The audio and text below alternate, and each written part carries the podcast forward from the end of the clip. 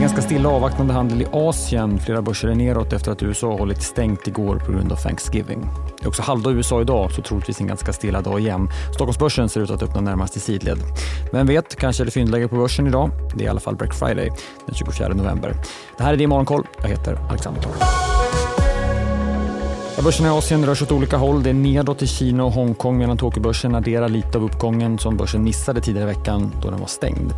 Från Japan har vi fått inflation som beroende på vilket mått vi tittar på överraskade marknaden något. Den så kallade kärninflationen var något svagare än väntat och landade på 2,6 procent i oktober i årstakt medan den totala inflationen, alltså bara KPI, steg till 3,3 procent upp från 3 procent i september. Den japanska regeringen och landets centralbank har länge oroat sig över att inflationen är för låg till skillnad från många länder i väst. Vi har också fått inköpschefsindex från Japan. Vi fick ju flera mätningar från Europa igår. Index för den japanska tillväxtindustrin sjönk något och kom in på 48,1 för november. Tjänstesektorns index steg däremot och kom in en bit över skiljelinjen 50 och landade på 51,7. I Kina är det som sagt eh, nedåt på börserna. Vi ser en rekyl för bland annat fastigheter som gått bra i veckan. Vi har också fått lite mer information om den mystiska sjukdomssmitta som plågar norra delarna av Kina, framförallt barn. Världshälsoorganisationen WHO har tidigare bett Kina om ytterligare uppgifter kring smittan och Kina säger nu att man inte hittat några ovanliga smittoämnen kopplat till utbrottet. Men ögonblicksbilder talar om överfulla avdelningar på sjukhus, bland annat på barnsjukhus i Peking. En förklaring som lyft är den helt naturliga effekten av stränga restriktioner under pandemin som leder till ökat utbrott av andra sjukdomar i dess spår. Men som sagt, mycket knapphändiga uppgifter. Stängt i USA igår och som sagt halvdag idag men vi hinner få amerikanskt inköpschefsindex för industrin senare i eftermiddag.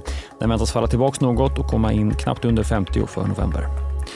Idag inleds också den vapenvila som Israel och Hamas enades om tidigare i veckan. En första grupp av gisslan i Gaza uppges släppas senare i eftermiddag.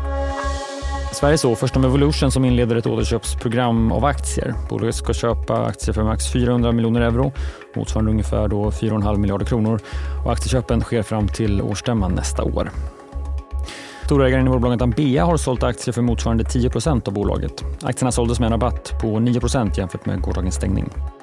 Efter affären äger storägaren fortsatt nästan 17% av bolaget.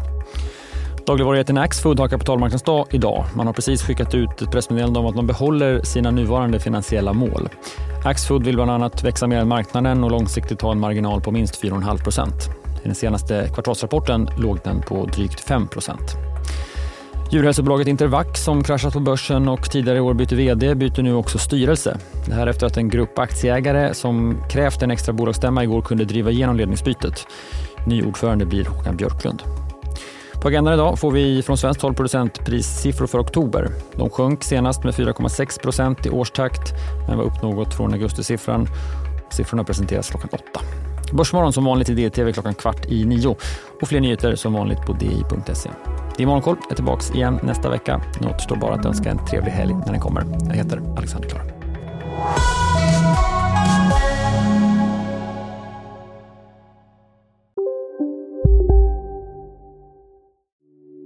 Hej, Ulf Kristersson här. På många sätt är det en mörk tid vi lever i.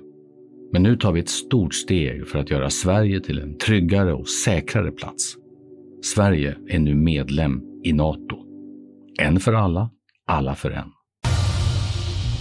Expressen gör varje vecka podden Politikrummet där vi djupdyker i det senaste och viktigaste inom svensk politik. Med mig, Filippa Rogvall, som programledare tillsammans med mina vassa kollegor. Och det är ju ni som heter Thomas Nordenskjöld, Anette Holmqvist och Viktor Bartkron. Politikrummet kommer med ett nytt avsnitt varje tisdag. Vi hörs!